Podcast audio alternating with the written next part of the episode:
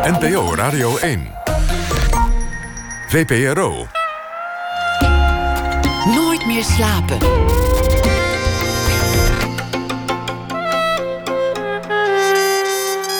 Met Liesbeth Staats. Goedenacht en welkom bij Nooit meer slapen. Komende maandag is het exact 400 jaar geleden dat raadspensionaris Johan van Oldenbarneveld werd onthoofd. Na half twee hoort u een ontmoeting met acteur Barto Braat op de plek waar deze executie plaatsvond, het Binnenhof in Den Haag. En komend uur ga ik in gesprek met schrijver en journalist Hans Klis. Afgelopen 20 april viel er een inktzwarte verjaardag te vieren. Het was die dag, precies 20 jaar geleden, dat leerlingen en docenten van de Columbine High School in Colorado onder vuur werden genomen door twee tieners. De jongens vermoorden 12 leerlingen en een docent en doden ter plekke ook zichzelf. Inmiddels hebben 250.000 Amerikaanse jongeren al te maken gehad met een schietpartij op school. Journalist Hans Klis noemt die 20 april 1999 een keerpunt in de Amerikaanse geschiedenis. Hij raakte tijdens zijn correspondentschap in de Verenigde Staten geschokt en gefascineerd door het fenomeen schoolshooting en schreef er een boek over: Generatie Columbine. Klis woonde in Brooklyn, New York en werkte voor onder andere BNN-Vara, WNL en schreef voor onder meer NRC, De Correspondent en HP De Tijd. Welkom Hans. Ah, dank je. Die uh, 20 april, die ik net noemde, hoe is die verjaardag eigenlijk herdacht in de Verenigde Staten? Uh, in Littleton, in het stadje waar de Columbine High School uh, uh, staat, daar zijn drie dagen lang zijn er eigenlijk herdenkingsactiviteiten geweest. Um, zoals elk jaar op de, ja, de verjaardag van de Columbine shooting gaan de leerlingen een soort van gemeenschapswerk doen. Dus ze gaan bijvoorbeeld vuilnis prikken, okay. Ehm, ouderen helpen. Um, en op die manier hebben ze het ook dit jaar weer ja, herdacht. Um, maar ook uh, met een kerkdienst. Op de, uh, op de, op de 18e hebben ze een kerkdienst uh, gehad. Ook elk jaar, of niet? Ook elk, elk jaar. en de 19e was er een herdenking bij het herdenkingsmonument. niet ver ja, verwijderd, een paar 200 meter verwijderd van het, van het schoolgebouw. En op de 20e, terwijl die leerlingen allemaal ja, vuilnis aan het prikken waren... Uh, kwamen ook de nabestaanden van de shooting... dus de ouders, uh, broers, zussen... Gewoon familie van die slachtoffers kwamen weer samen uh, in de ja. school. Ook zoals elk jaar. Om daar in een privébijeenkomst de, de, de gebeurtenis te herdenken. Dus er was aandacht voor. Ja. Jij noemt Columbine, of de, de scooting in Columbine... een keerpunt in de geschiedenis. Terwijl er daarvoor ook al schoolshootings waren. En daarna zeker ook. Waarom vind je het een keerpunt? Nou, zoals je zegt, de, allereerste schoolshooting was in 1840. Uh, dus dat is ja, meer dan 200 jaar geleden. Um, en uh, ja, Columbine was zo bijzonder, omdat het, het gebeurde op een moment dat uh, televisie eigenlijk zijn piek begon te bereiken in de jaren 90. Sensatie. We hadden de O.J. Simpson trials gehad. de rechtszaak tegen, die, tegen de atleet die zijn ex-vrouw vermoord zou hebben. Of, hij is niet veroordeeld. Nee. Um, er was zelfs een live achtervolging, herinner ik me nu. Ja, precies. Ja. En die, dat... Dus live tv bereikt een soort piek. Ja, 24 uur uh, nieuws uh, was, was helemaal, helemaal de hype toen. Uh, je, had, je, had, CNN, Fox en iedereen keek ernaar. Zo, nieuws was een beetje een soap geworden waar, waar je de hele dag naar kon kijken. En toen de shooting bij Columbine High School plaatsvond... toen richtte eigenlijk al heel snel alle camera's zich op dat kleine stadje Littleton. En uh, maakte eigenlijk het hele land live die, die, gebeurtenissen mee. Uh, uh, de, de schoolshooting was meer dan een half, half uur bezig. Maar toen opeens gingen alle nationale zenders... klikten op, op Littleton. Dus het hele land zag eigenlijk uh, die gebeurtenis en die ze al kenden.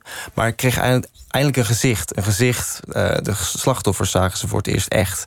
Ze zagen ook die uh, daders die dat deden. Kind, die leken op kinderen die ze zelf misschien thuis hadden zitten. Um, en... Dus het werd een soort, soort beeld. Er werd een soort beeld aan verbonden aan ja. die drama's die al plaatsvonden, zoals ja, je zegt. Ja, en die, die nieuwsverslaggeving die duurde ook niet één dag, maar dat ging dagenlang door, maandenlang, een jaar. Eh, journalisten waren bij, elke, bij elk belangrijk moment... het einde van het schooljaar, het begin van het schooljaar... Uh, op het moment dat de eerste studenten die het hadden meegemaakt... gingen afstuderen. En dat ja, nog steeds elk jaar komen, komen we weer terug bij Columbine. Na elke schoolshooting, bij elke herdenking, bij elk jubileumjaar. Het is een soort referentiepunt geworden. Ja. ja. ja. Live uitgezonden.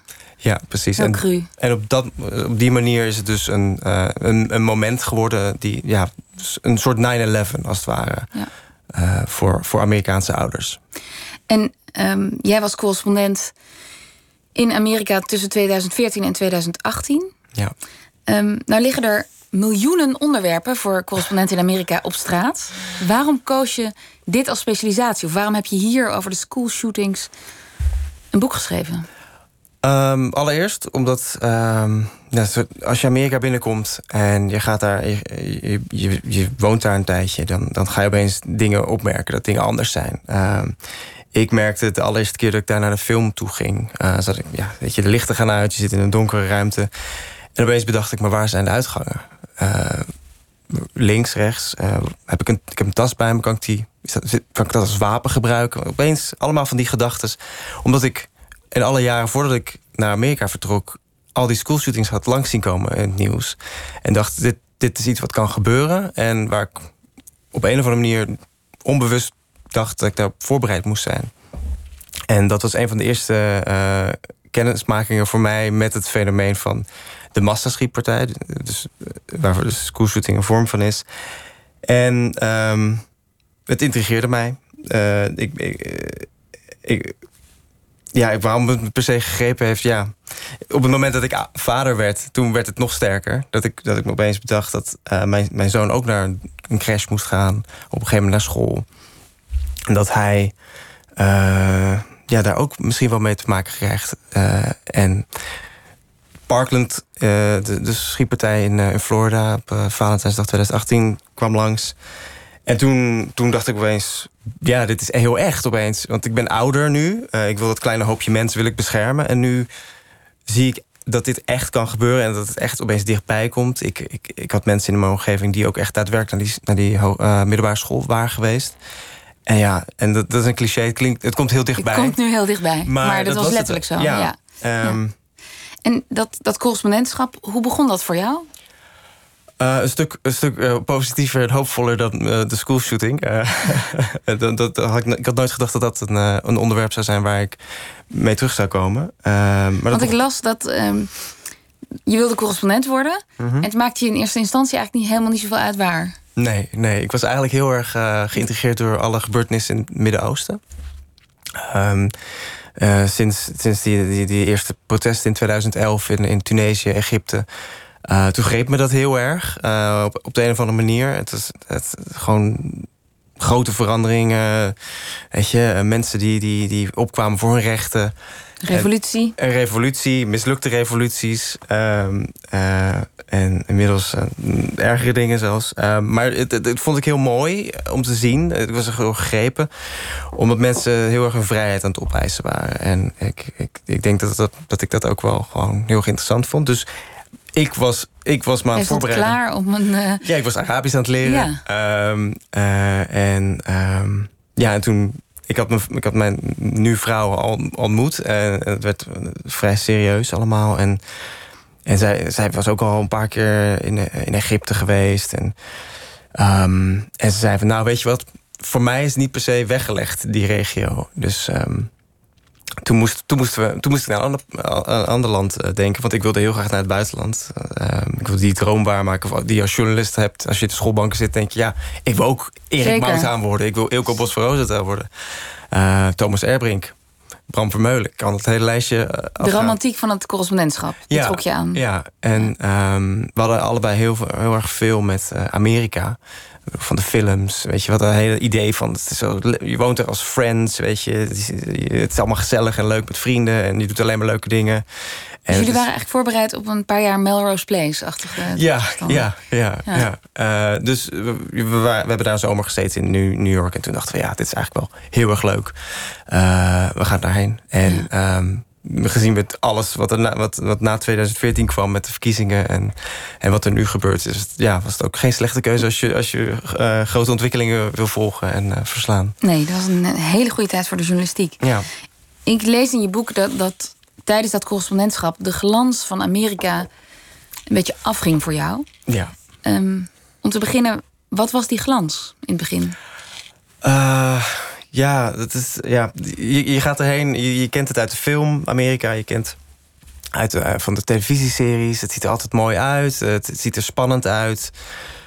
Um, en, en dan kom je in, in het land en dan, en dan is dat ook hoe, hoe een deel van de bevolking leeft. Maar je komt er ook achter dat, dat een heel groot deel van de bevolking niet zo leeft. Dat er extreme ongelijkheid uh, heerst in dat land. Dat je, ik was, in, ik was uh, op een gegeven moment op een, verhaal aan het maken in, in, in Providence, in, in Rhode Island. En een mooie universiteitsstad, eh, van die klassieke zuilen, van die mooie gebouwen. En dan rij je tien, tien minuten buiten de stad en dan, ja, dan kom je prostituees tegen. Dan zie je al uh, gebouwen die vervallen zijn, mm afgezet met politielint, drugsgebruik. Um, uh, en ja, als je dat soort dingen ziet, dan denk je, ja, het is eigenlijk toch, toch wel, het is wel veel mis in het land. Uh, in, in Flint, Michigan, waar al vijf jaar mensen geen, geen schoon drinkwater hebben, omdat uh, daar, uh, de, de, politici besloten dat ze goedkoper water ergens anders vandaan konden halen uit een vervuilde bron. Uh, ja, dat zijn van die dingen die de glans er een beetje van afhalen. Ja, en, dat, en dat ontdekte je toen je daar woonde. Dat was je van tevoren niet bekend. Of je ging daar.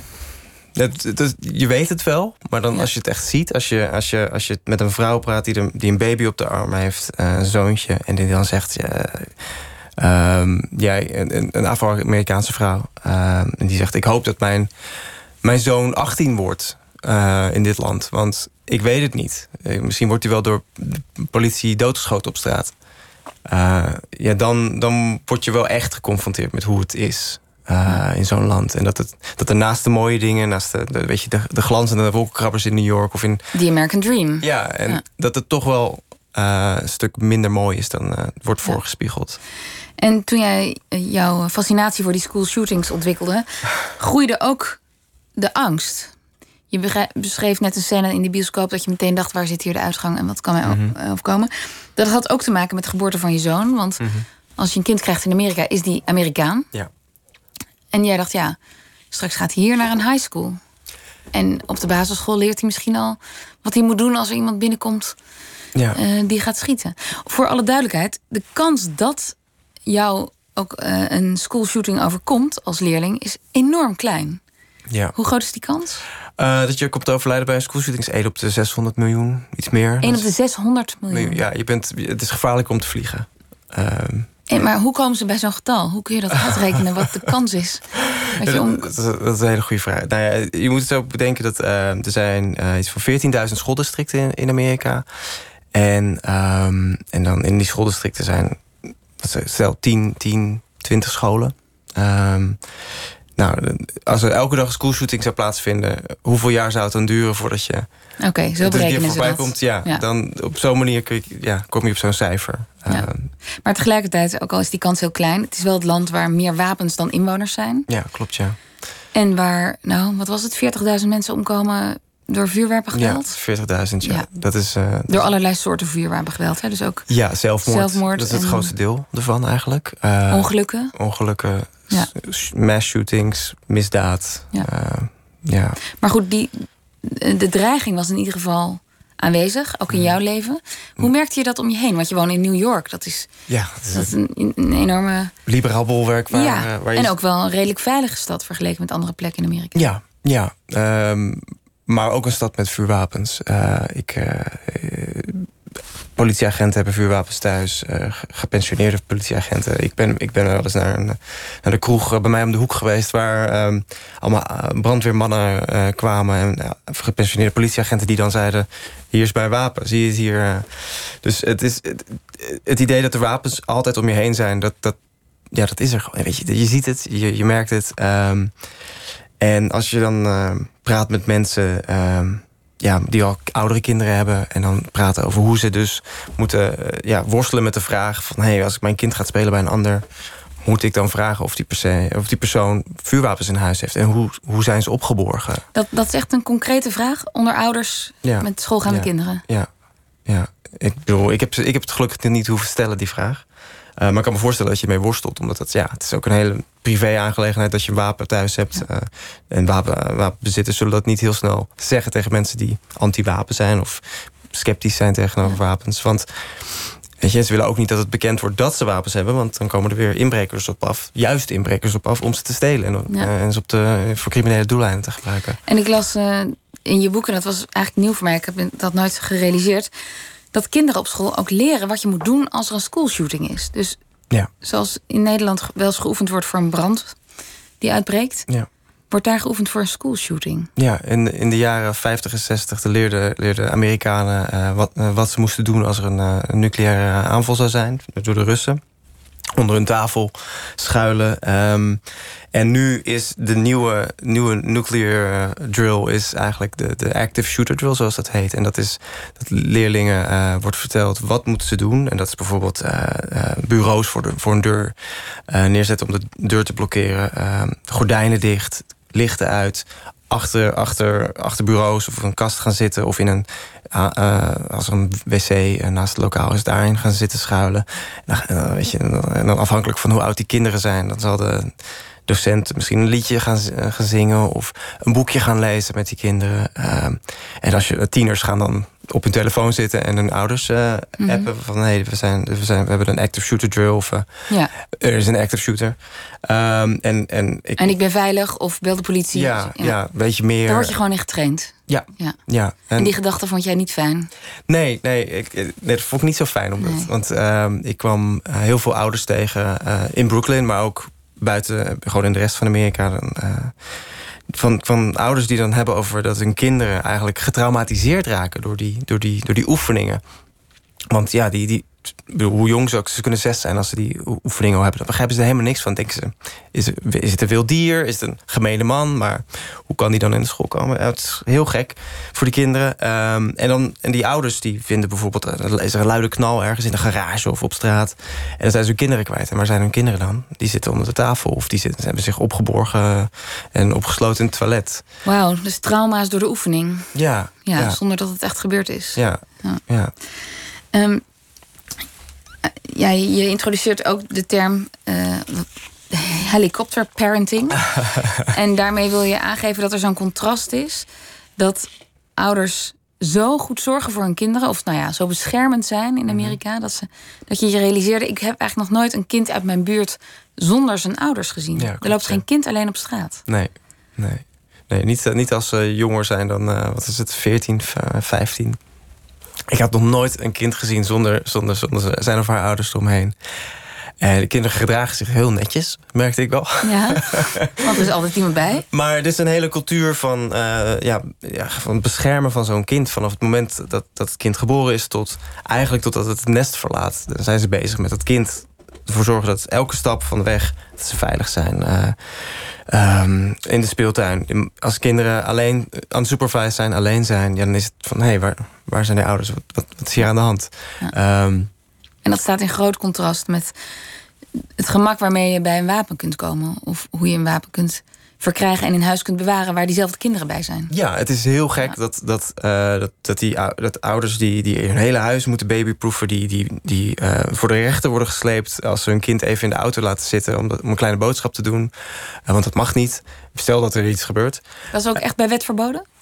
in sommige staten is dat ja. bij wet verboden, ja. En dat is schijnende gevallen. zijn moeders die met een kleine baby die, die even een boodschap moeten doen, een, een pak melk moeten halen, bij, bij wijze van spreken. En die, ja, die worden dan verweten dat ze slechte ouders zijn. Um, dus ja, dan heb je zo'n cultuur waar een, ja, zo'n kind alles is. Het kind mag, mag eigenlijk niks zonder doen, zonder de ouders. En dan is er zo'n groot gevaar, zo'n zo'n duidelijk zichtbaar gevaar. Eh, ik bedoel, kijk maar naar het nieuws. Er is, is, er is altijd wel weer een shooting ergens geweest. De afgelopen twintig jaar zijn er meer dan 50 grote schoolshootings geweest. En dan, daar wordt dan niks tegen gedaan. Daar, dat is een risico wat je dan maar als ouder eigenlijk maar moet accepteren. Want dat hoort er maar bij. Dat is de, weet je, de prijs van de Amerikaanse vrijheid. Ja. Uh, dat is leven in dit land, ja, dat hoort het erbij. Ja. En dat is gewoon zo, zo raar. En, en dat, ja, dat stoot je eigenlijk gewoon tegen de borst. Dat, dat, dat, dat ja. Omdat je denkt, waarom zien jullie niet dat dit iets is wat je moet aanpakken? En met die vraag ging jij pad en je sprak voor je boek uh, researchers, mm of sorry, wetenschappers, um, nabestaanden, getuigen van die school shootings. En uh, dat leverde een enorme tocht door het land op. Je hebt ook de plekken bezocht waar die school shootings plaatsvonden. Ja. Um, sinds Columbine, je noemde het net al even, hoeveel shootings zijn er geweest die bij ons niet eens het nieuws halen. En misschien in Amerika ook niet. Ehm, in totaal? Ja, in totaal zijn er wel heel veel. Maar ik, ik, in mijn boek zeg ik zelf uh, 50, noem ik er 50. En het worden er elke keer meer. Um, maar omdat, omdat Columbine zo'n groot moment was... wordt eigenlijk alles een beetje langs de meetlat van Columbine gelegd. Dus als het in de buurt komt van dodental... dan komt het opeens op de radar van... 15 doden. 15 doden, weet je, 7 doden ook nog. Maar als het één dode is of, of één gewonde... dan ja, dan is het toch al heel snel lokaal nieuws... en dan wordt het nationaal niet opgepikt. Ik, ik ben bijvoorbeeld ook uh, in Townville in, in South Carolina geweest... waar uh, één jongen is doodgeschoten. En dat is eigenlijk ja, zo'n... zo'n niemand weet er eigenlijk van. Uh, de Washington Post had laatst een, een, mooie animatie gemaakt. En dat, dan is het opeens, ja, dan is het opeens zo'n zo'n zo'n schoolshooting die iedereen kent. Maar tot die tijd... Niemand, niemand wist dat, dat, dat in Townville een jongen was doodgeschoten. Dat is niemand. Dus Columbine High School werd een soort cynisch eikpunt, een soort meetlat. Mhm, ja. voor de nieuwswaardigheid van overige schoolshootings. Ja, ja. Uh, bijvoorbeeld deze week uh, was er een, een, een Ja, drie dagen geleden, vlakbij. Vlakbij. Columbine. 10 kilometer van verwijderd, maar meteen is het weer, wordt dat erbij gezegd. Het is een schoolshooting die, die dicht bij Columbine is.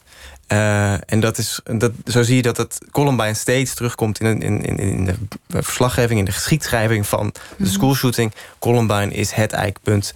Um, en, en, ja, en er was, was, uh, in 2014 was er een schietpartij in een bioscoop in Aurora, ook een, een stadje bij Denver. En er wordt ook gezegd, het was zo ver verwijderd van Columbine. Dus, ja, weet je, dat, dat, is het referentiepunt ja. geworden. Um, in, uh, in jouw boek ga je ook op bezoek bij Dr. Peter Langman, die Dr. Schoolshooter wordt genomen, genoemd. Ja. Um, wie is hij? Uh, dat is uh, iemand die al uh, bijna even lang sinds Columbine eigenlijk schoolshooters, dus de, de daders van die schietpartijen, ja, profileert. Eigenlijk probeert achter te komen wat drijft deze mensen, deze tieners of deze volwassenen om, ja, om wapens mee te nemen naar school of een universiteit en daar gewoon mensen dood te schieten. En, Hij ehm, spreekt uh, dus nabestaanden. Mm -hmm. andere deskundigen, journalisten zoals jij, ja. die komen bij hem te raden. Hij is een soort nationale nou ja, encyclopedie van ja. het profiel van een school shooter. Maar vervolgens las ik dat jij hem vroeg: ja, wat is het profiel? En dat hij zegt: nou ja, er is eigenlijk geen echt uh, sluitend profiel. Ja, klopt ja. Wat is er dan? Wat kun je er dan over zeggen? over die daders? Nou, het, verschrik, nou ja, het, het, is verschrikkelijk, maar uh, eh, 95% is man. Dus dat is één grote, grote pijler. Dus uh, uh, schoolshooters zijn over het algemeen man. Ik, ik noem een paar voorbeelden in mijn boek volgens mij van, van vrouwen die, dit, die, die ook schoolshooters shootings plegen. Maar wat ze eigenlijk bindt, samenbindt, is dat ze allemaal wel uh, psychische problemen hebben of een trauma hebben in hun leven. Maar heel veel mensen, miljoenen mensen hebben psychologische problemen of kampen met trauma's. En die gaan ook niet allemaal uh, de straat op met wapens en, schieten een school overhoop. Ja, die, die, die dokter Langman zegt, ja, er wordt heel vaak geroepen, ja, het was iemand die gepest werd. Ja. Maar ja, niet alle pesters kopen een pistool en lopen ermee terug naar school. Want dat vergeten wij nu te zeggen, maar 95% is man maar jong. Ze zijn allemaal jong. Het zijn uh, tieners, pubers. Ja, uh, tieners uh, die richten zich voornamelijk op, op, op high schools of middle schools. Dus gewoon middelbare school. En dan heb je de daders die ouder zijn. Dus, dus laten we zeggen ouder dan 20. En die richten zich eigenlijk op hoger onderwijs. Dus eigenlijk waar je zelf naar school gaat, naar school ging of naar school zou kunnen gaan. Ja, dan, en dan dat, gaan Ja, dan komen die daders op af. Ja, het, uh, maar het probleem is dus meestal dat um, sommige daders, die oudere daders bijvoorbeeld, die hebben een band met zo'n universiteit of een hogeschool. Of juist niet, maar die hebben een band met een andere universiteit. Um, wat, wat, wat, die, wat Pieter Langman dus wel uh, uh, uit zijn onderzoek aan mij heeft laten zien, is dat uh, veel van die daders kampen met een gevoel van uh, schaamte.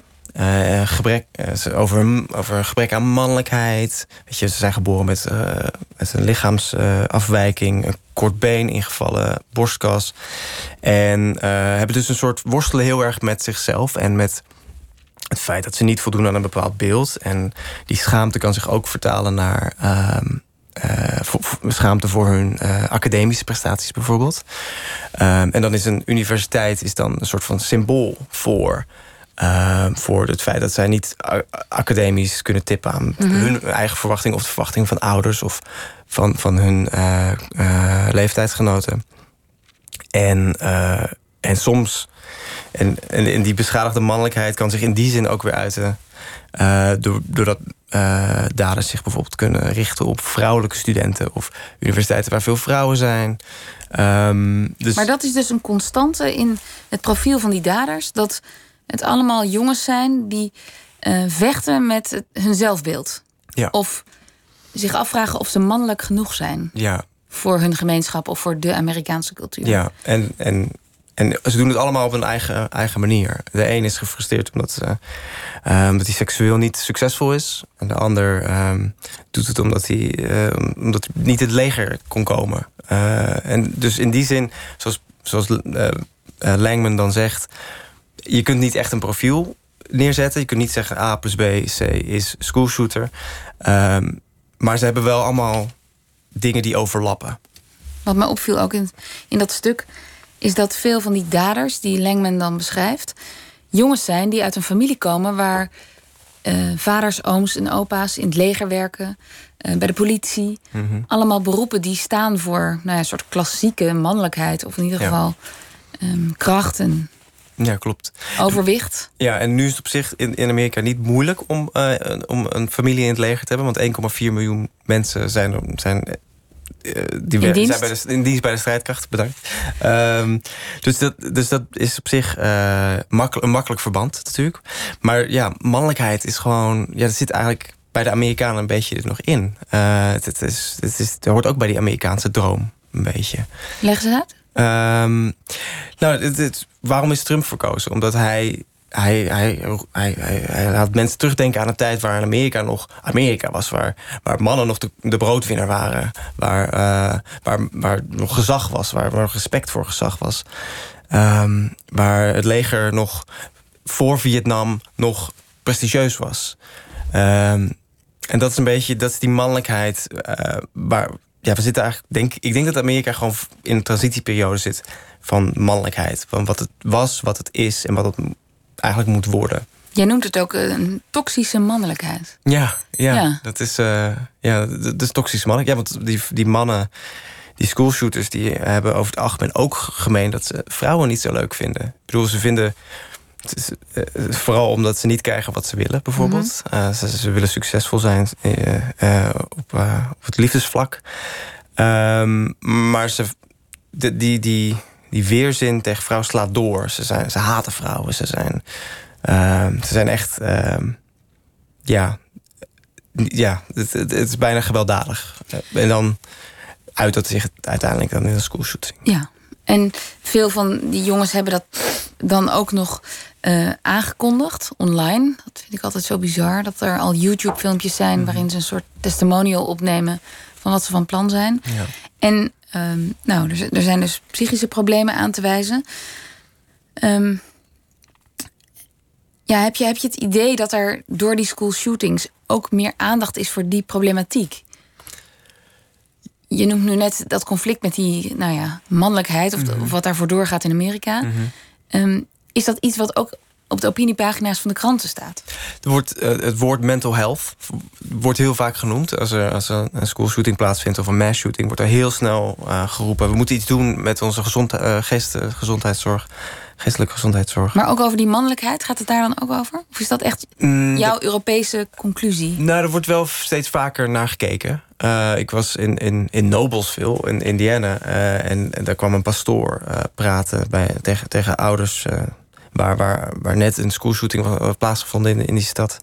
En die, die zei van ja, moeten onze mannen een keer vertellen dat ze ook ja, anders mogen zijn. Dat ze fragieler mogen zijn. Dat ze ook echt um, ja, empathischer moeten zijn. En dat wij ook open moeten staan voor dat niet alle jongens uh, hetzelfde zijn en niet hoeven te voldoen aan een bepaald beeld van, van weet je, de, de, de, de topatleet of de, weet je, de, de, de jongen die het leger ingaat. Het lijkt bijna zo cliché dat, dat wat ik van de Amerikaanse cultuur ken of leerde kennen, was heel erg de winner en de loser.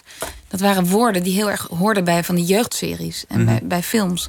Ja. En moet ik moet ik in dat licht ook die mannelijkheid zien? Of, of het doel wat jongens dat jongens gesteld wordt? Nou, wat me dus opviel is dat, ehm, dat als je in Amerika komt... Dat, dat, dat de series, dat de films, wat je ziet... is komt redelijk overeen met wat, hoe de werkelijkheid is. Ik bedoel, zoals ik, zoals ik toen... Uh, ik was in Noblesville. Mm was dus een vergadering over de schoolshooting die wat plaatsvond. En wat, waar begint het mee? Met de introductie van het, het sterren uh, sportteam voor het komende jaar. Oh ja.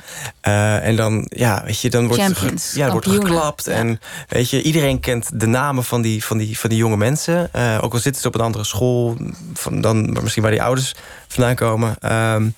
En dan, ja, dan, dan zie je dat, dat, dat zit er gewoon echt in. De, ja. de winners, losers. Um, uh, ik sprak met, met, met, uh, met, met, met, een, met een mevrouw die, die op, op haar eigen high school ook hoorde bij de Freaks. En die dus bang was geworden na Columbine voor, voor, voor de geeks. Weet je, de, jongen, de jongens die zich een beetje. afwijkend gedroegen ten opzichte van dat ja. kampioenschappengedrag. Ja. ja.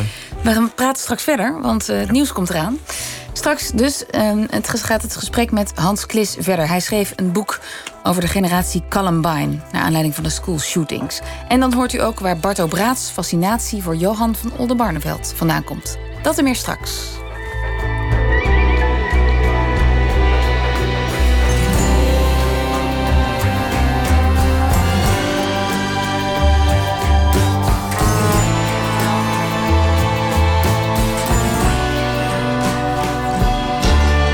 Radio 1, het nieuws van alle kanten.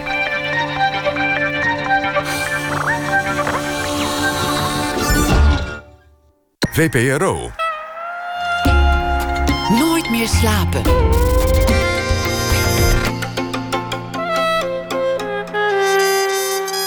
Met Liesbeth Staats. Welkom terug bij Nooit meer slapen, waar ik tot ongeveer half twee verder praat met schrijver en journalist Hans Klis, die het boek Generatie Columbine schreef. Voor het nieuws bespraken we de treurige verjaardag van de Columbine High School shooting, nu 20 jaar geleden. En dat Amerika onder andere daardoor, door die schoolshootings voor Hans Klis, zijn glans verloor. Um, we bespraken ook de wapens en dat het zo moeilijk is om een duidelijk profiel van die schoolshooters uh, te formuleren. Um, in je boek schrijf je ook, ja, er zijn dan wel heel veel wapens in Amerika. En vaak wordt gezegd, ja, dat komt alleen maar door, die, door de beschikbaarheid van de wapens. Mhm. Maar het heeft er ook mee te maken dat uh, met iets anders. Want in Zwitserland, schrijf jij, hebben de mensen ook veel wapens. Ja. Ja, daar heeft één op de vier, volgens mij, uh, hebben ze wapens thuis. Ja. Uh, ja, en daar, daar gebeuren uh, eigenlijk geen mass shootings. Er is er eentje geweest rond, rond, volgens mij rond de eeuwwisseling. En daar is het bij gebleven. Uh, en dat ja, is toch heel gek eigenlijk dat daar zoveel wapens zijn en dat daar niks gebeurt. Um, ik zelf, ik, ik denk dat het te maken heeft met dat er een hele uh, andere cultuur is rond de vuurwapens. Het is, uh, in Amerika zie je heel erg dat vuurwapens eigenlijk een verlengstuk zijn van, van mannelijkheid. Um, geven mannen een manier om zichzelf te beschermen, belangrijk te voelen, een plek in de hiërarchie te behouden. Uh, en ja, in, in Zwitserland zijn, is, dat, is dat niet. Nee. Er zijn, mannen zijn daar volgens mij een stuk minder mee bezig dat het wapen uh, ja, een verlengstuk is van hun mannelijkheid. Ze gaan er allemaal in militaire dienst. Uh, en ja, die leren daar meteen goed omgaan met een wapen. Ja. En ja, geen, geen gekke fratsen uithalen. En het is nog een beetje een, de verheerlijking ook van de mannelijkheid. Ja. Die wapens. Ja. ja. Um, het heeft natuurlijk ook te maken met dat Second Amendment, waar altijd genoemd wordt. Zodra de discussie ontstaat, moeten we die wapenwetten niet een beetje veranderen. Ja. Maar ik lees ook in jouw boek dat, dat, dat wij dat allemaal een beetje verkeerd interpreteren. Ten eerste, wat is dat uh, Second Amendment? Het Second Amendment is, uh, is, zijn 27 woorden die uh, eind 18e eeuw zijn opgenomen in de, in de grondwet van Amerika. En die maken het mogelijk voor Amerikanen om vuurwapens te bezitten. Uh, en als je het volgens het amendement, Second Amendment, is dat omdat ze dan vuurwapens hebben om, zich, uh, om het land mee te beschermen, om hun staat mee te beschermen. Door, ze kunnen met die, samen kunnen ze dan een militie vormen, een burgermilitie. Als nobele mm -hmm. uh, burgerstrijders kunnen ze ze dan. Daar is het voor bedoeld, ja, die wapenvergunningen. Ja, want uh, de oorsprong van Amerika vindt zich in de, de, de revolutie tegen de Britse overheerser, de, de, ja, de Britse koning. Want Amerika bestond uit koloniën van, uh, van, van Groot-Brittannië. Um, en ze waren uh, pertinent, in Amerika waren ze pertinent tegen het staande leger want dat, dat was het, het, leger van een tiran. de, de, de koning probeerde door middel van zijn grote beroepsleger die kolonisten om de duim te krijgen en te houden. En, en zij zagen veel meer in die burgerplicht van... wij, wij op het moment dat we nodig zijn... dan dan komen we opdagen met onze vuurwapens... en daarna gaan we weer gewoon op het land en daar werken. stamt dat vandaan. Maar door onze Nederlandse bril of Europese bril... is het onbegrijpelijk dat er met zoveel slachtoffers... dat mensen het nog zo belangrijk vinden... dat je gewoon een semi-automatisch wapen moet kunnen kopen. Dat dat hoort bij vrijheid. Terwijl er zoveel dodelijke slachtoffers te betreuren zijn. Ja. In jouw onderzoek had jij last van die Nederlandse blik... Ja, sowieso. Ja, met, van het eerste moment. Want eh, je gaat met mensen praten en, je, en het eerste wat ik zei tegen, tegen, tegen zo'n zo wapenfanaat was dan ja, van, maar waarom, waarom, waarom heb je die wapens nodig? Je, zonder die wapens is het land toch veel veiliger. En dan zei, zei zo iemand, nee, want ik moet me toch kunnen verdedigen tegen, tegen inbrekers. Mhm. tegen, uh, ik moet mijn uh, huis kunnen beschermen. Er zijn wilde dieren. Uh, en en ja, ik moet, stel dat in Washington, in het Witte Huis, een, een tiran opstaat. Mhm. en zegt, we gaan het zo doen in het land. En dan moeten wij het dus als burgers toch eigenlijk... Zelf de wapenen ter hand kunnen nemen. Ja, ja. Um, en ja, dat is zo zoals het dus in, in wat is het, 1796 werd besloten dat het zo moest zijn. Mhm. Eh, is het in, de, in, die twee eeuwen daarna is dat gewoon. Is, is het de betekenis ook helemaal veranderd? Want in het begin van de 20e eeuw uh, werd de militie eigenlijk vervangen door, uh, door de, de reserve-strijdkrachten. Maar goed, iedereen beroept zich nog steeds op die 27 woorden als het gaat om, om, die, om die wapens. Um, een nieuw keerpunt noem jij de school shooting in Parkland in 2018. Klopt. Um, daar nou, die staat mij ook nog heel vers eh, op het netvlies. Want dat, dat nieuws ging de hele wereld over. Een van de overlevers was Emma González, een leerlinge. Zij sprak zich uit tegen deze, nou ja, het wapenbezit en, de, en de, de regulering van het wapenbezit in Amerika. Ze hield een krachtige speech en daar hebben we een fragment van. Six minutes and about 20 seconds. In a little over six minutes, 17 of our friends were taken from us, 15 were injured, and everyone, absolutely everyone, in the Douglas community was forever altered. Everyone who is there understands. Everyone who has been touched by the cold grip of gun violence understands. For us, long, tearful, chaotic hours in the scorching afternoon sun were spent not knowing. No one understood the extent of what had happened. No one could believe that there were bodies in that building waiting to be identified for over a day. No one knew that the people who were missing had stopped breathing long before any of us had even known that a code red had been called. No one could comprehend the devastating aftermath or how far this would reach or where this would go. For those who still can't comprehend because they refuse to, I'll tell you where it went right into the ground, six feet deep. Six minutes and 20 seconds with an AR 15, and my friend Carmen would never complain to me about piano practice. Aaron Feist would never call Kira Miss Sunshine. Ja, en dan noemt ze al haar vrienden en de, de slachtoffers en uh, ja. wat er te betreuren is. Een heel indrukwekkend fragment, vind ik dit. Ja, ja dat was het ook. Ik was, ik was erbij in Washington. Ik, ik zag haar ook uh, spreken. En ja, het, is, het was zo'n moment dat de, de hele, uh, hele mall, National Mall, was helemaal stil. of was het Pennsylvania Avenue, sorry. en ja, mensen huilen. Uh, het waren, waren, waren honderdduizenden mensen waren daar om, om, om, om, om naar haar te luisteren, mm. onder andere. En ja, ik, ik, ik, ja, het is ook heel indrukwekkend als je zo iemand hoort praten die zoiets.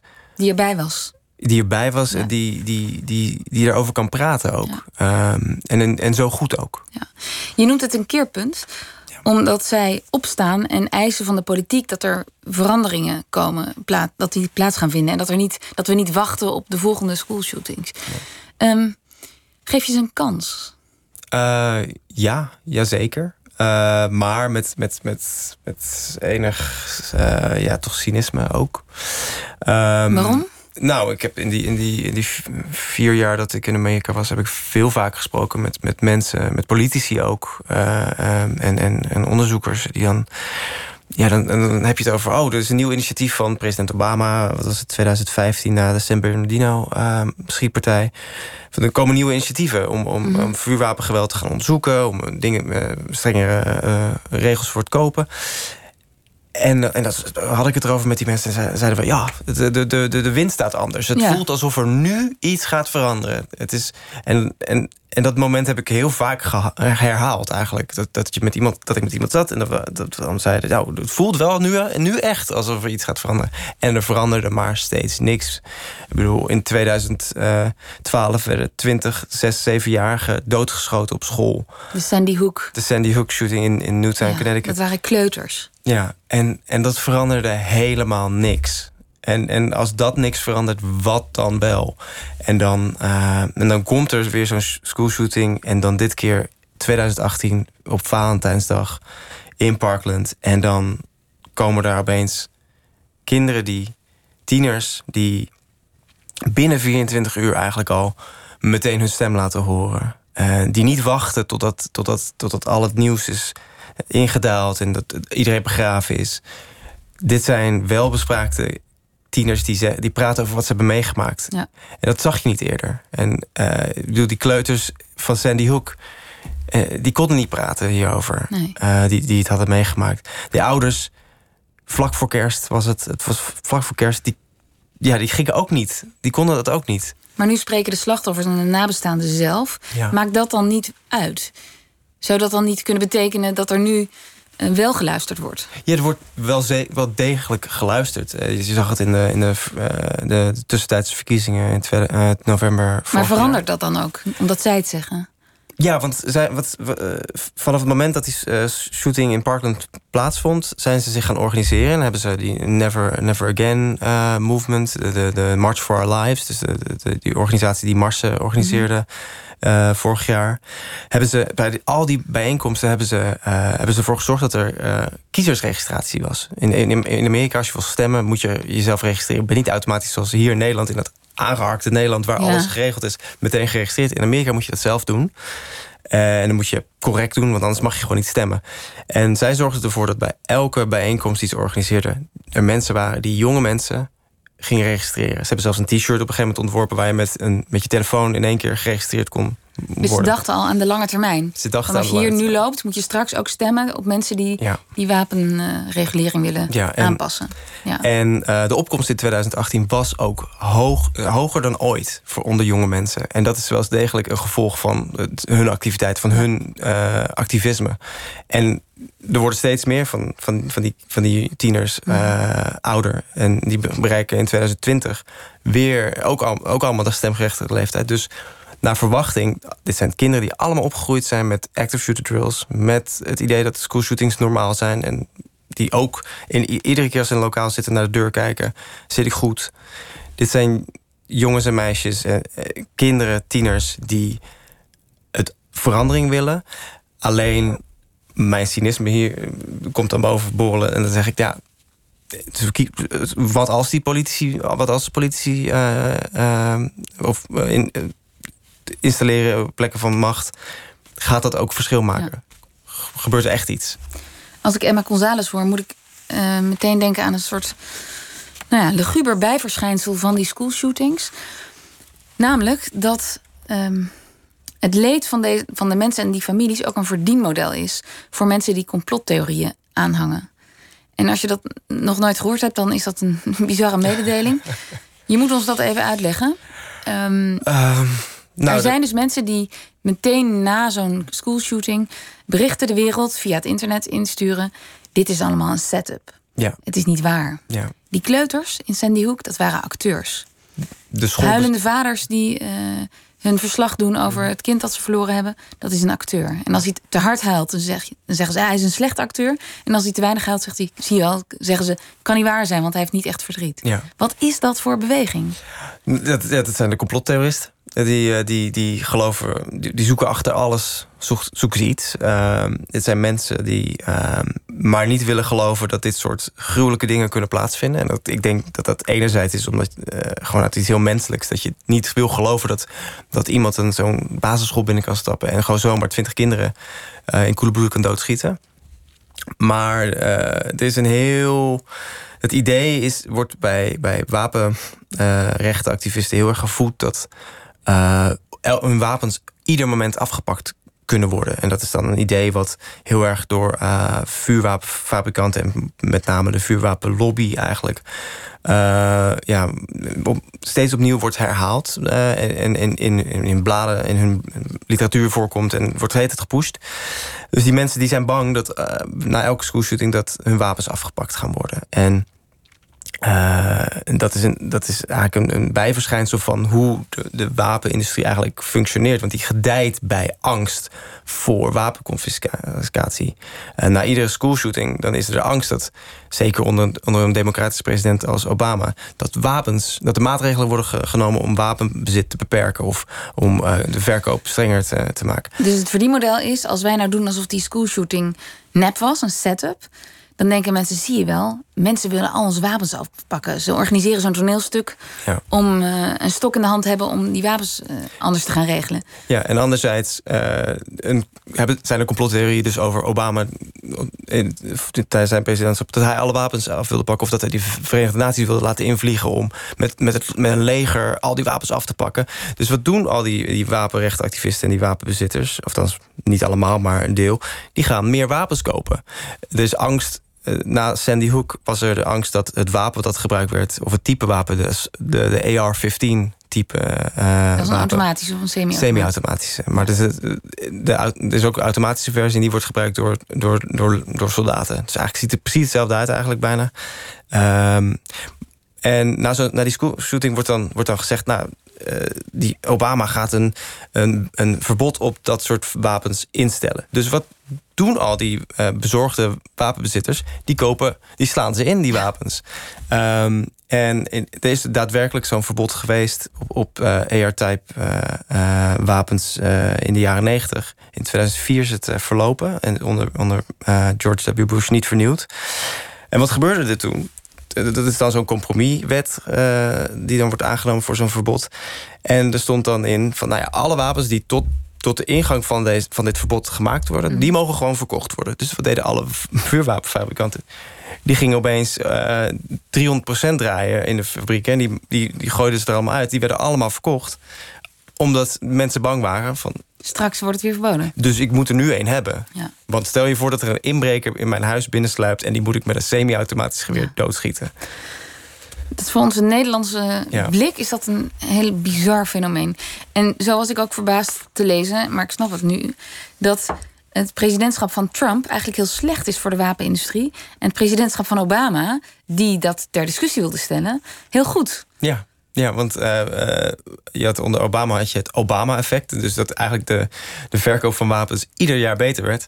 Maar Om, Vanwege de angst, straks gaat hij het echt verbieden? Ja, precies. En uh, Trump is een fervent Second Amendment supporter. Hij komt heel graag praten bij de, bij de, de National Rifle Association... de machtigste wapenlobbyorganisatie in Amerika.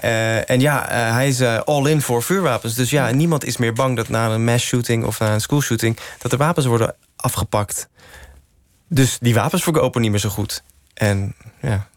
We gaan even luisteren naar muziek. en dat is de Britse dichteres en schrijver Kate Tempest. Ze heeft een nieuwe popplaat gemaakt. En we luisteren naar een van haar nieuwe nummers, Fire Smoke.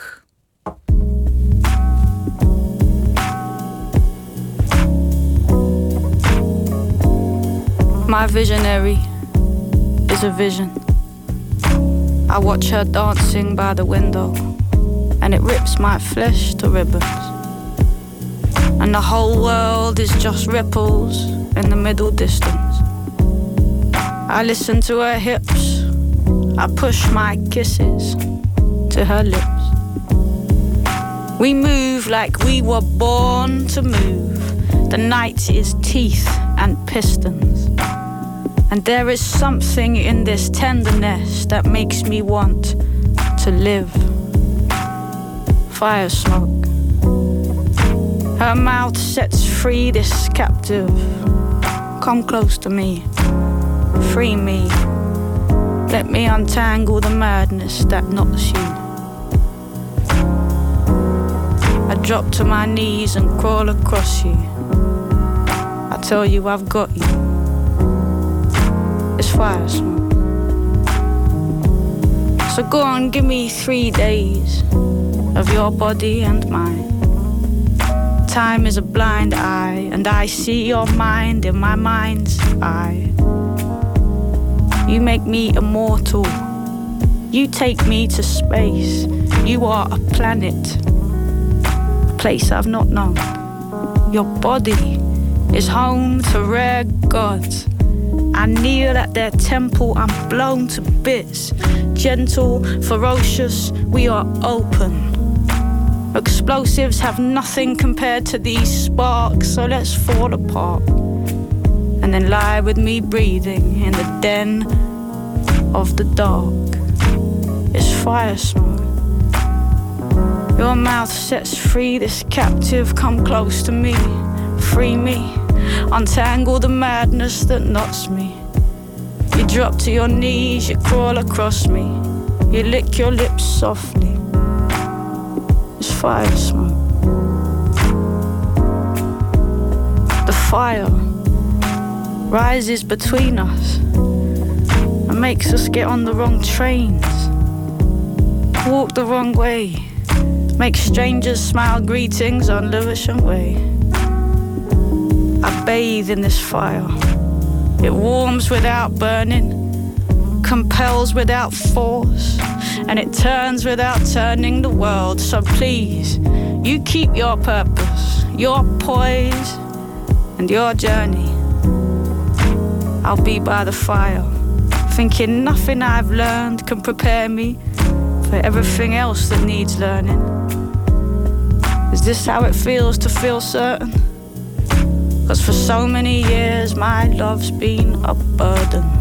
But now comes this fire to cleanse and restore us, to fuel us and calm us and push us both forwards. Forwards.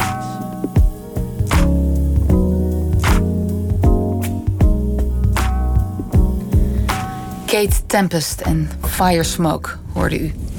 Ik praat door met Hans Klis en over zijn, over zijn boek Generatie Columbine... over de Columbine shooting en de school shootings die daar nog op volgden. Ik vroeg me af, in jouw onderzoek en door te pr- praten met zowel nabestaande slachtoffers... maar ook met mensen in de wapenindustrie, eh, wapenbezitters... ben je het beter gaan begrijpen? Het belang dat Amerikanen aan hun wapen hechten. Ja, ja. Het, eh, het, het hele, nou ja, de, de, de, de, de, de idee, de mythe van de mannelijkheid rondom wapens is dat, dat is ook echt een mythe. Dat is gewoon een, marketingtruc geweest. eh, die, die, begin van de 20e eeuw eh, is, opgekomen. Maar ehm, ik snap het wel. Ik begrijp wel waarom Amerikanen die, die, ehm, die hun, de wereld om zich heen zien veranderen. eh, een wereld die steeds minder ja, wit is. die economisch steeds minder zeker is. Ehm, En wat bedoel je met steeds minder wit? Want zwarte mensen hebben ook wapens.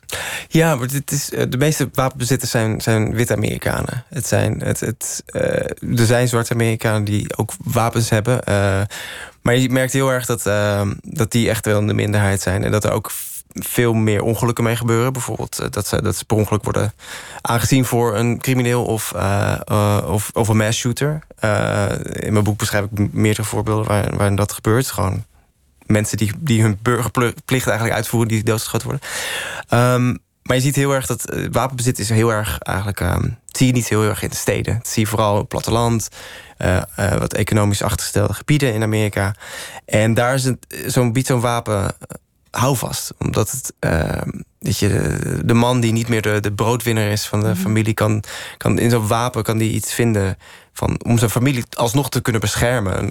Eh, in een tijd waar wordt gedacht dat, dat criminaliteit, eh, de criminaliteitscijfers heel hoog zijn, waar politie niet alles kan doen om je te beschermen, hebben ze een vuurwapen. En dan kunnen ze zichzelf beschermen en hun familie. Dus dat is een ander soort kostwinner zijn ze dan binnen de familie, maar ze hebben wel een, ze kunnen, ze, ze hebben wel weer een traditionele rol. En in die zin zie je dat mensen zich vastklampen aan een vuurwapen en dat idee van dat ze dan nog ja, Ja. eh, iets betekenen.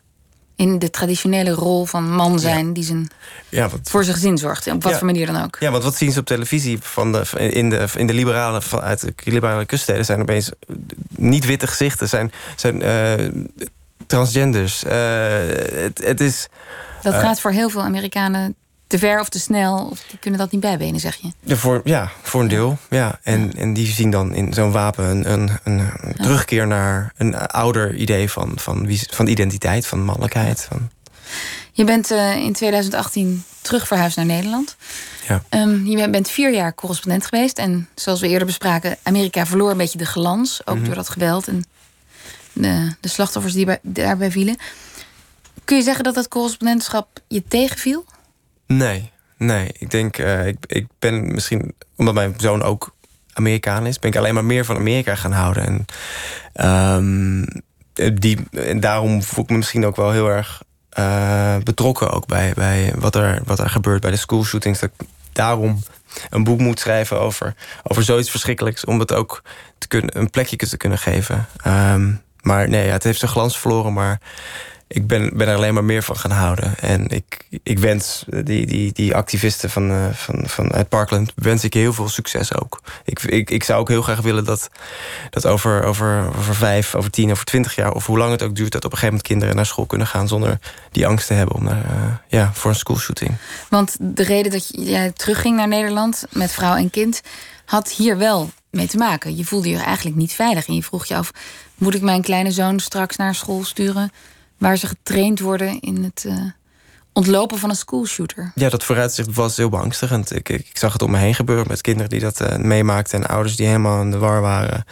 Ehm, en ja, ik, wij zaten op een punt dat wij moesten gaan beslissen... van wat gaan we doen met het onderwijs. Ehm, en wij hebben, eh, in tegenstelling tot veel Amerikanen... niet de mogelijkheid tot... Ja, wij, wij, wij, konden een alternatief pad kiezen. Eh, wij konden ervoor kiezen om, naar een land terug te gaan... waar er geen schoolshootings zijn. Wat, God verhoede dat, dat zou het eh, echt hier komen. Ehm, maar wij hebben dat alternatief. Ik sprak met heel veel Amerikanen, zeker eh, ook, ook mensen die eh, uit een ander land kwamen, die dan, die, dan zeiden: Ja, we willen eigenlijk ook heel graag weg, maar mijn man, mijn vrouw heeft een hele goede baan, dus we kunnen niet weg. En, eh, en dan heb je ook nog de mensen die gewoon helemaal niet, eh, gewoon alleen maar een Amerikaans paspoort hebben en zichzelf helemaal moeten ontwortelen en ergens anders heen moeten gaan om dat te kunnen ontvluchten. En die doen dat niet. Nee. En wij konden dat wel. En ja, dan kies je er toch wel voor om dat te doen. Eh, het, als, je- ja, als je met vooruitzicht dat mijn, dat mijn kind getraumatiseerd gaat worden door iets. wa- wat, wat compleet eigenlijk idioot is dat hij dat moet meemaken. Dat, ja, dat, Ja. Zouden Amerikanen dit gesprek wat wij nu voeren over ons kunnen hebben en dan het hebben over ons liberale drugsbeleid? Zou een journalist daar zo'n boek kunnen schrijven over de uitwassen van ons drugsbeleid en de slachtoffers die daarbij vallen? Eh, ja, zeker. zeker. Eh, alleen kan tot nu het hele het, drugsgebruik in Amerika... nu, nu in, in verschillende staten eh, cannabis gelegaliseerd wordt... en eigenlijk heel erg lucratief is voor iedereen. Ook voor de overheid. Omdat het in tegenstelling tot hier, hier in Nederland... Is dat, wordt het allemaal legaal gedaan. Ehm, maar ja, ze kunnen, zouden zeker... Of over prostitutie. Dat is misschien nog... Of over abortus. Eh, zouden ze boeken kunnen schrijven wat, over wat hier gebeurt. Ehm, maar ja, er, zijn, er zullen mensen precies aan zo'n tafel als deze zitten... en zeggen, maar waarom hebben ze geen wapens in Nederland? Dat zou toch een stuk veiliger zijn op Ja. straat als je loopt. Ja. Ehm, voel je, je hebt toch ook inbrekers in Nederland, toch? Weet je, dat, dat, dat- zo'n gesprek zouden we ook kunnen voeren. Ja, dus het blijft echt een soort ander perspectief waar je elkaar over kunt blijven aanstaren. Ja, en, en dat is dus dat is het grote probleem geweest in, in de afgelopen twintig jaar. eh, is dat mensen elkaar aanstaren. En, en niet elkaar kunnen begrijpen dat je misschien. dat er geen middenweg te, te vinden lijkt te zijn. Maar, eh, maar als je heel menselijk, heel op klein niveau met elkaar gaat, gaat praten erover. Dat je de, dat, die persoon die, die vuurwapens verzamelt, die, die graag gaat schieten, die is ook bang. Dat, zijn of, dat zijn of haar kind eh, omkomt bij een schoolshooting. En daar moeten mensen zich in vinden. Eh, En over, je zoon is nu drie. Ja. Als hij over tien jaar of vijftien jaar zegt... ik wil een jaar gaan high schoolen in Amerika... laat je hem dan gaan? Ehm, nou ja, misschien als die, misschien als die 16 is. ja, eh, Dat is wel ja. een gewetensvraag, want hij is Amerikaan. Ja. En jij bent er ook gaan wonen. ja, ik kan hem denk ik Maar je niet- weet er nu te veel van misschien.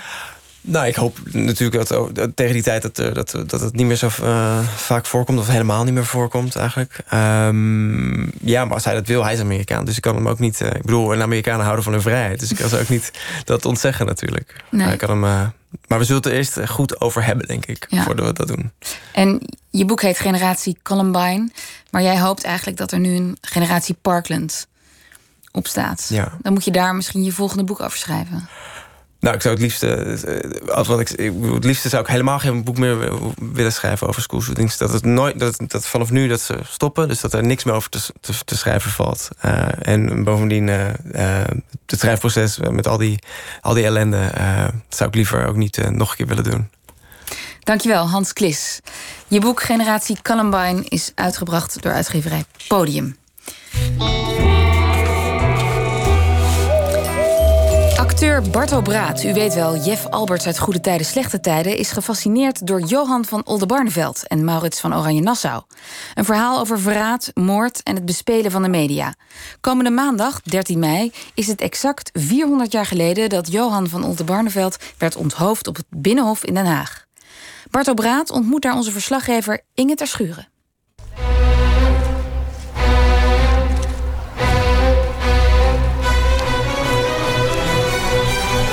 twee belangrijkste machthebbers van het land trekken tijdens de oorlog succesvol samen op tegen de vijand. Maar dan, als de vrede komt, gaan ze elkaar naar het leven staan. De gevolgen? Machtsspelletjes, fake news, vriendjespolitiek en uiteindelijk een onthoofding. Het is niet een nieuwe Netflix-serie, maar een 400 jaar oude gebeurtenis. De strijd tussen Johan van Oldenbarneveld en Maurits van Oranje. Acteur Barto Braat raakte gefascineerd door dit verhaal. Dit is uh, Hollands drama, tragedie. Uh, drama moeten we gaan maken, ja. Hij neemt me mee naar het strijdtoneel, het Binnenhof in Den Haag.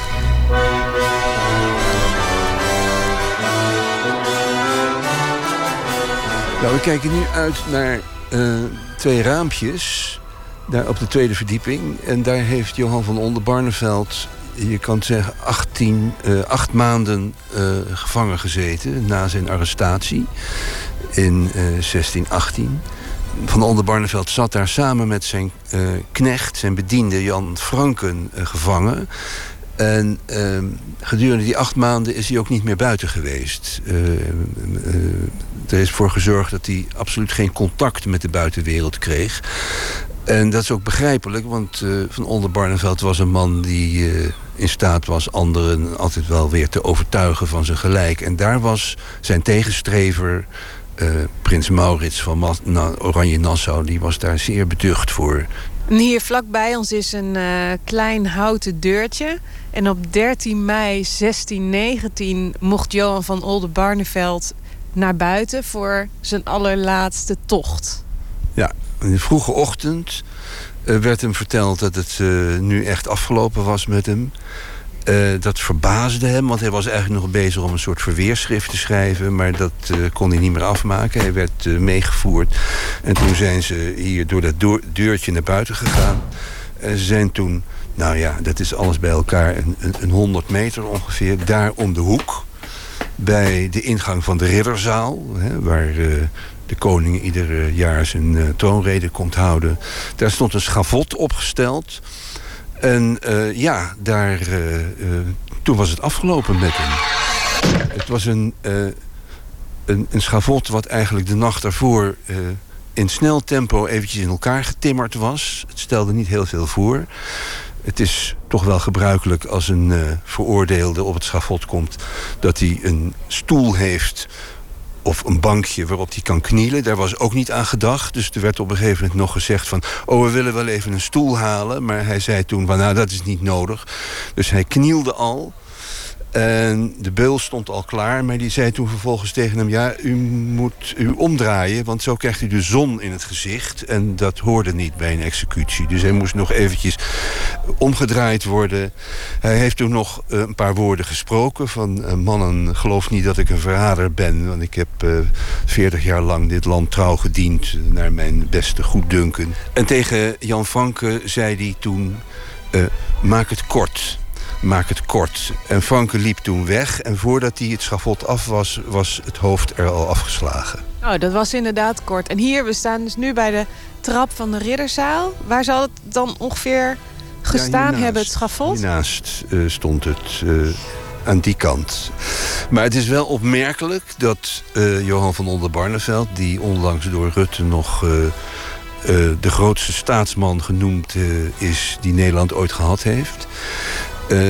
ja, dat hij op zo'n manier aan zijn einde is gekomen de executie van Onder Barneveld is eigenlijk uh, het einde van een, een tragische uh, relatie geweest tussen Maurits en Onder Barneveld.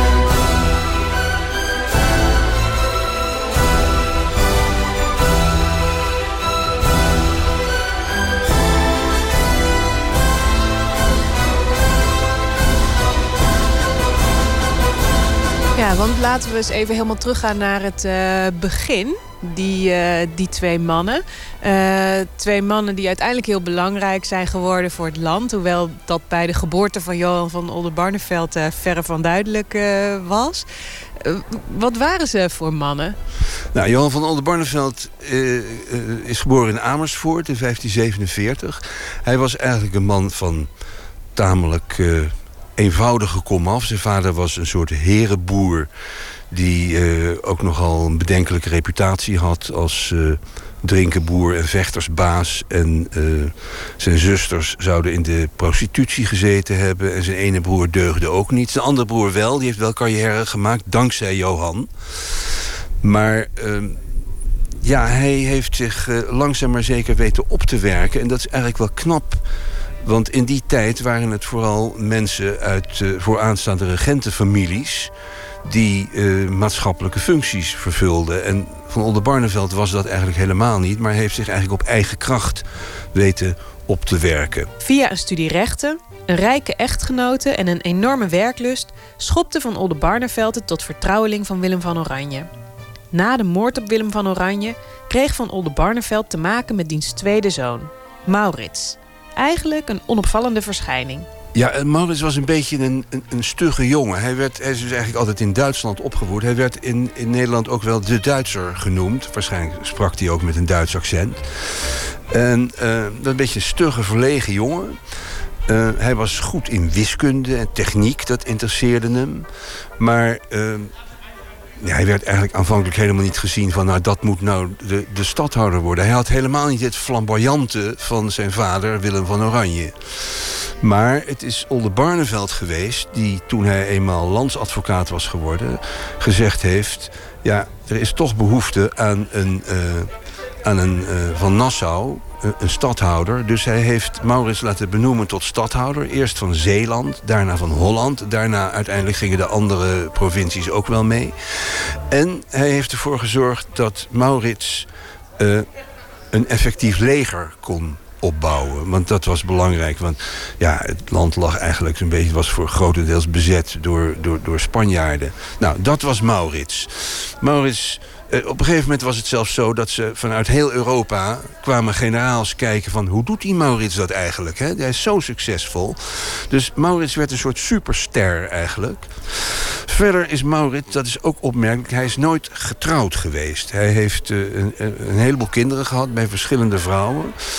Uh, zijn vaste vriendin, was Margaretha van Mechelen. Daar heeft hij drie kinderen mee.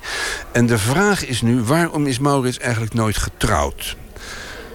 Die vraag zullen we nooit beantwoorden, maar het vermoeden is wel eens geuit dat Maurits eigenlijk helemaal geen zoon van Willem van Oranje was.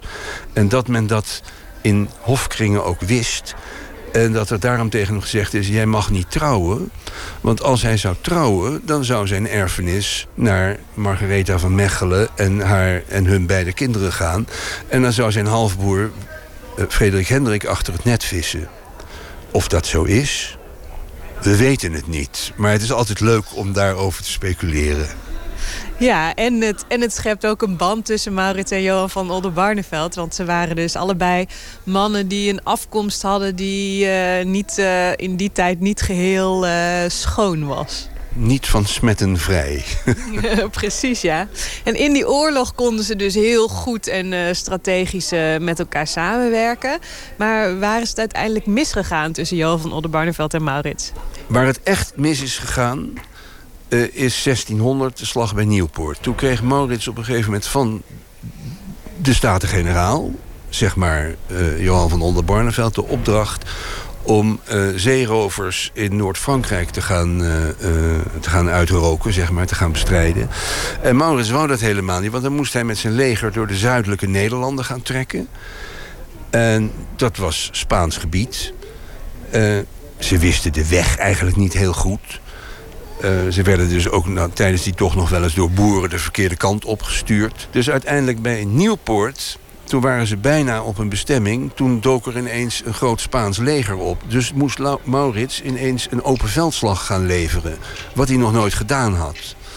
Uh, dat is bijna misgegaan ook. Maar nou ja, hij heeft uiteindelijk op het nippertje toch gewonnen. Maar uh, ten koste van het verlies van een, een, paar duizend soldaten. Dus hij was eigenlijk woedend. En hij had gezegd, ja, ik heb hiervoor gewaarschuwd. En uh, dit, is het, dit is het gevolg. En hij weigerde om nog verder te gaan. Hij ging terug. Het verhaal gaat dat Olde Barneveld toen hij eenmaal weer teruggetrokken was een stuk... Te paard naar hem toegekomen is. Stapje hoger. Het gaat, gaat heel hard regenen, ja. Het verhaal gaat dat Olde Barneveld op zijn paard naar hem toe is gekomen... om hem te feliciteren met die overwinning... en dat Maurits hem toen een, in woede een klap in zijn gezicht gegeven heeft. Ook dat weten wij niet, maar ook dat zijn leuke dingen. Ja. En toen was het dus vrede. Toen staken er allerlei binnenlandse uh, tegenstellingen, werden toen scherper. Die tegenstellingen, dat ging vooral over geloof. Je had de remonstranten, vaak vertegenwoordigd door de elite... En zij geloven niet dat bij je geboorte al je bestemming vast ligt. Gezegd werd, uh, die rijke kooplieden en die burgemeesters... en zeg maar de elite, ja, die is uh, uh, gemakkelijk in de leer... maar zuinig op de centen. En de contra-remonstranten, meer te vinden bij het gewone volk... zijn streng in de leer en geloven in de verdorvenheid van de mens. Het staat al vast wie er genade krijgt na zijn dood en wie niet... En dat was eigenlijk voor veel mensen wel iets, een, van, recht, uh, iets van rechtvaardigheid. Rijk of arm, dood gingen we allemaal. En je werd gestraft of niet gestraft. Dat was een soort democratisch principe eigenlijk.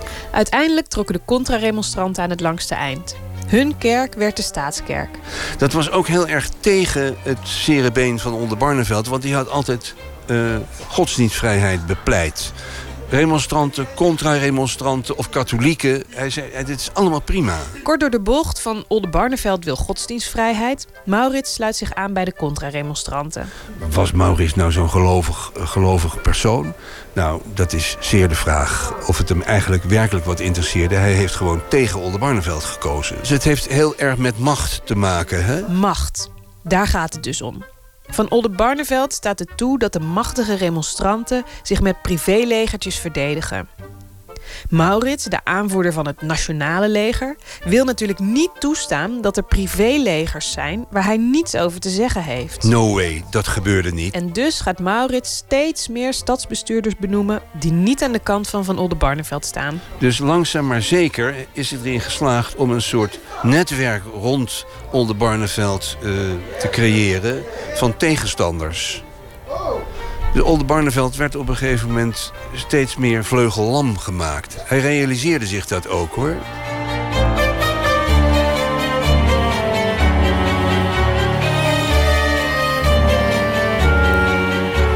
Je kunt ook zeggen van, van Olde Barneveld dat hij um, ja, het was natuurlijk een man die, die vooral in, de, in, in vergaderzalen en achterkamertjes politiek... Uh, uh, daar, was hij, daar was hij een ster in, daar was hij sterk in.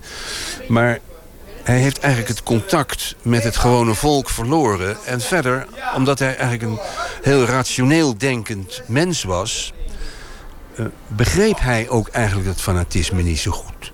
Daar had hij, hoe fanatiek, hoe ver het volk kon gaan daar had hij, eigenlijk, uh, had hij eigenlijk niet zo'n idee van. Hij was eigenlijk een beetje vervreemd geraakt van de, de realiteit van de straat. En toen hij eenmaal uh, hier op het Binnenhof gevangen zat... Uh, werd het volk ook tegen hem opgejut door Maurits? Het volk werd zeker opgejut tegen hem door Maurits. En misschien nog niet eens zozeer door Maurits zelf... als wel door volgelingen van Maurits. Het is heel interessant dat in die tijd je al een soort mediaoorlog had... zoals je dat vandaag de dag ook hebt. Ze hadden geen, geen, uh, geen, geen Twitter en Facebook en alles wat je nu hebt. Maar ze hadden pamfletten en uh, spotprenten. En dat ging razendsnel, want in het jaar 1618 alleen al zijn er 300 pamfletten of ruim 300 pamfletten tegen Oldenbarneveld verschenen. En die pamfletten, dan moet je je ook daarbij voorstellen... het was niet zozeer van uh, Oldenbarneveld doet dit, Oldenbarneveld doet dat. Nee, daar kwam ook bij zijn zusters zijn hoeren. En uh, hij heeft zich verrijkt, wat gedeeltelijk ook wel waar was... Maar dat was heel normaal in die tijd. Als je eenmaal macht en invloed had, dan deed je dat. Maar het waren gewoon smerige aantijgingen. Er zijn ook smerige uh, spotprenten. Uh, ja, dat is gewoon uh, Twitter van nu. Heel persoonlijk. Heel persoonlijk ook hoor. Waarin hij toch altijd als een soort, een soort monster werd, werd afgeschilderd. Dat soort pamfletten, ik bedoel, die werden gemaakt... en de volgende dag werden ze al verspreid door de stad.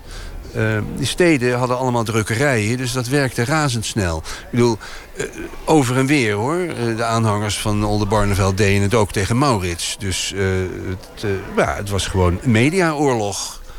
En, en Wat dat betreft is er niets veranderd.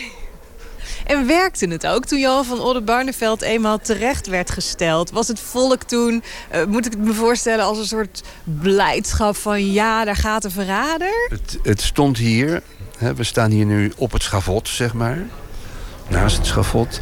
Het stond hier zwart van de mensen. En toen die, uh, uh, zijn hoofd eraf werd geslagen... stormde de menigte toe om uh, iets van zijn bloed op te vangen desnoods. Want dat kon weer verhandeld worden. Soldaten die proberen dat volk nog enigszins in bedwang te houden. Dus het is een ongelooflijk chaotisch gebeuren geweest.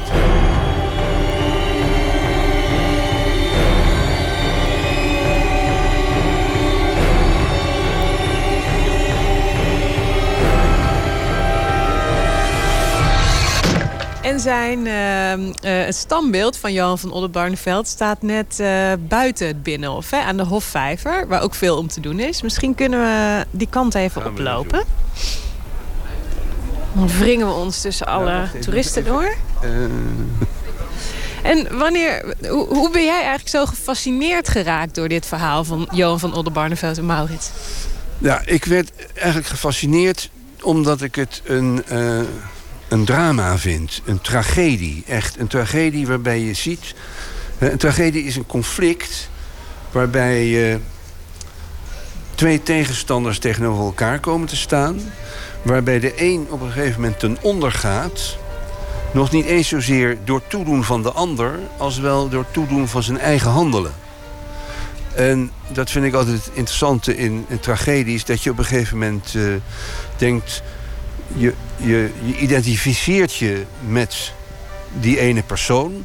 En je denkt op een gegeven moment, doe dat nou niet. Want dit wordt je ondergang. En hij gaat toch door. Hij neemt een aantal besluiten waarvan je denkt... niet verstandig, maar wel uh, trouw aan zijn eigen morele kompas, zeg maar. En dat is wat Olde, Oldenbarneveld gedaan heeft. Bedoel, Maurits heeft hem ook gratie aangeboden. Uh, zelfs de laatste nacht nog, hè? Is er een, uh, een, uh, een boodschapper heen en weer gegaan tussen die twee. Maurits heeft hem gesmeekt om gratie te vragen. heeft hij niet gedaan. Hij zei, ja, als ik gratie vraag, dan be be beken ik mijn ongelijk. Wat de tragedie helemaal compleet maakt... is dat de winnaar uiteindelijk ook een verliezer blijkt te zijn. Want zo zou je uh, het kunnen samenvatten... de relatie tussen Oldenbarneveld en Maurits. Ze konden niet met elkaar, maar ze konden ook niet zonder elkaar. Als je zou uh, mogen kiezen als acteur, wie van de twee zou je het liefste spelen? Nee, dan zou ik het liefst Olde Barneveld spelen. Uh, uh, ja, waarom? Omdat dat toch... een tragische rol. Dat is natuurlijk altijd het mooiste. Hoe zou je hem, hoe zou je hem neerzetten? Als een helemaal niet zo sympathieke man. Die toch de sympathie zou weten op te wekken. Ik denk dat dat de uitdaging is voor de acteur die je moet spelen. Daar zit hij. Daar zit hij, ja. Hij zit al op ons te wachten. We staan hier nu voor het standbeeld van Johan van Oldenbarneveld. Hij uh, zit op een stoel, een beetje ingezakt. Zullen we even iets dichterbij gaan? Uh... Hij kijkt uit op de Hofvijver en op het uh, torentje van Rutte... en op de vogels en, en de fontein. Hoe werd er na zijn dood over hem gepraat? Hoe werd hij neergezet? na zijn dood werd eigenlijk heel snel... Werden zijn verdiensten wel degelijk gezien. Het is zelfs zo dat... Dat kwam in de eerste plaats dat Maurits eigenlijk niks meer klaar heeft gespeeld na zijn dood. En die werd eigenlijk snel, die werd passief en hij werd snel ziek. En uh, dat was eigenlijk afgelopen met hem. eigenlijk in vrij snel tempo werden uh, allerlei voormalige medestanders van Onder Barneveld... kwamen weer op invloedrijke posities. Dus hij is eigenlijk in die zin wel weer gerehabiliteerd. In hoeverre je dat kan zeggen, weet ik niet helemaal. Maar ik bedoel, hij is niet. hij werd wel degelijk. werden zijn verdiensten werden, werden gezien. ja, een beetje gerechtigheid heeft hij wel gekregen. Toch is er vooral de laatste tijd wel weer veel te doen... om het feit dat dit standbeeld nu buiten het Binnenhof staat... en niet een centraler plekje heeft gekregen. Ja, nou ja, gezegd wordt... het standbeeld had eigenlijk op de plek van zijn schavot moeten staan.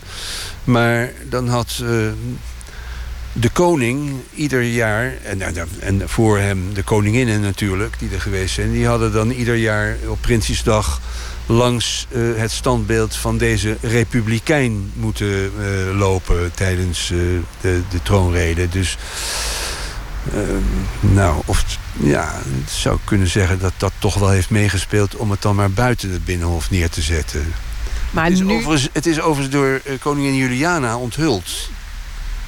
Nou, dan zou je zeggen dat nu, 400 jaar later, het toch wel een mooi moment is om hem een beter plekje te gunnen. Denk ik ook. Ik denk dat uh, we maar een brief aan Rutte moeten schrijven van... Uh, zet het ding even daar neer. Dat... Dan krijgt ja. die man eindelijk gewoon waar, waar hij recht op heeft.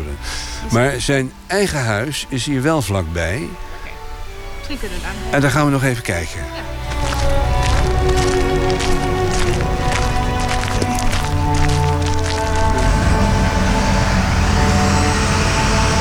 Dat was zijn huis dat niet, niet dit huis, want het is helemaal uh, verbouwd en alles. Uh, het ziet er heel anders uit dan toen. Lange voorhout 24, zo ongeveer.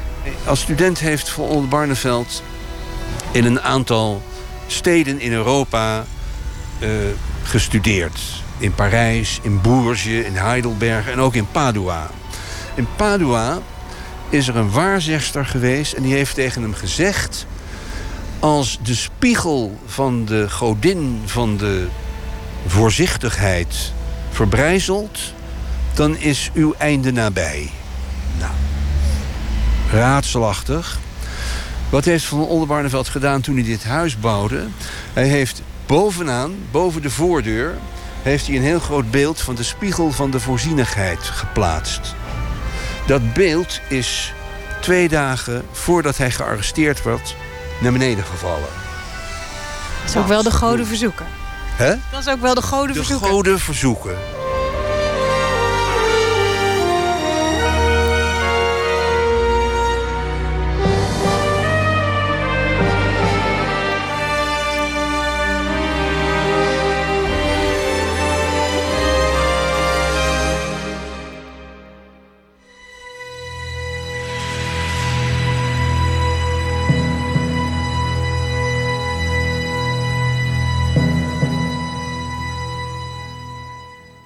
En u hoorde Barto Braat over de terechtstelling van Johan van Oldenbarneveld.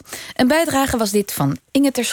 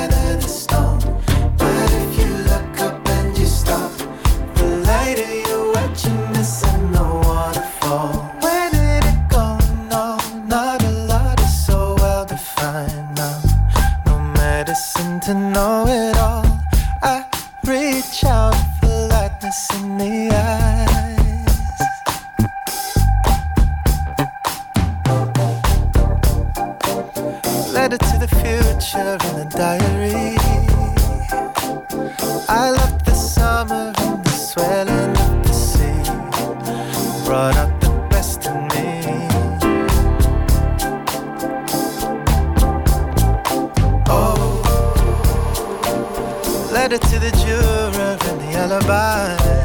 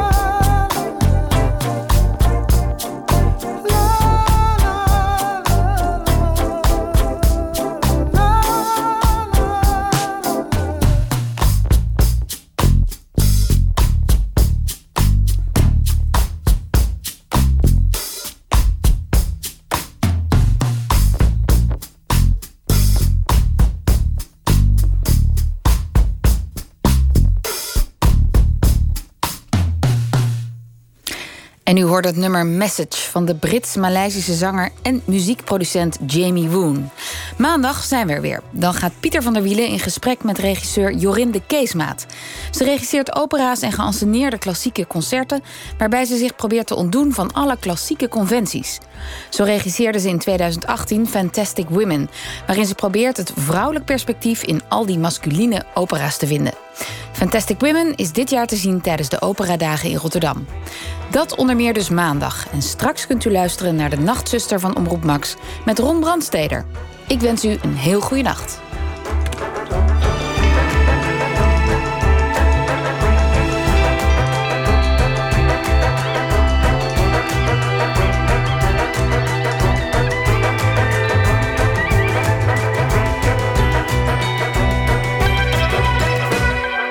Radio 1, het nieuws van alle kanten.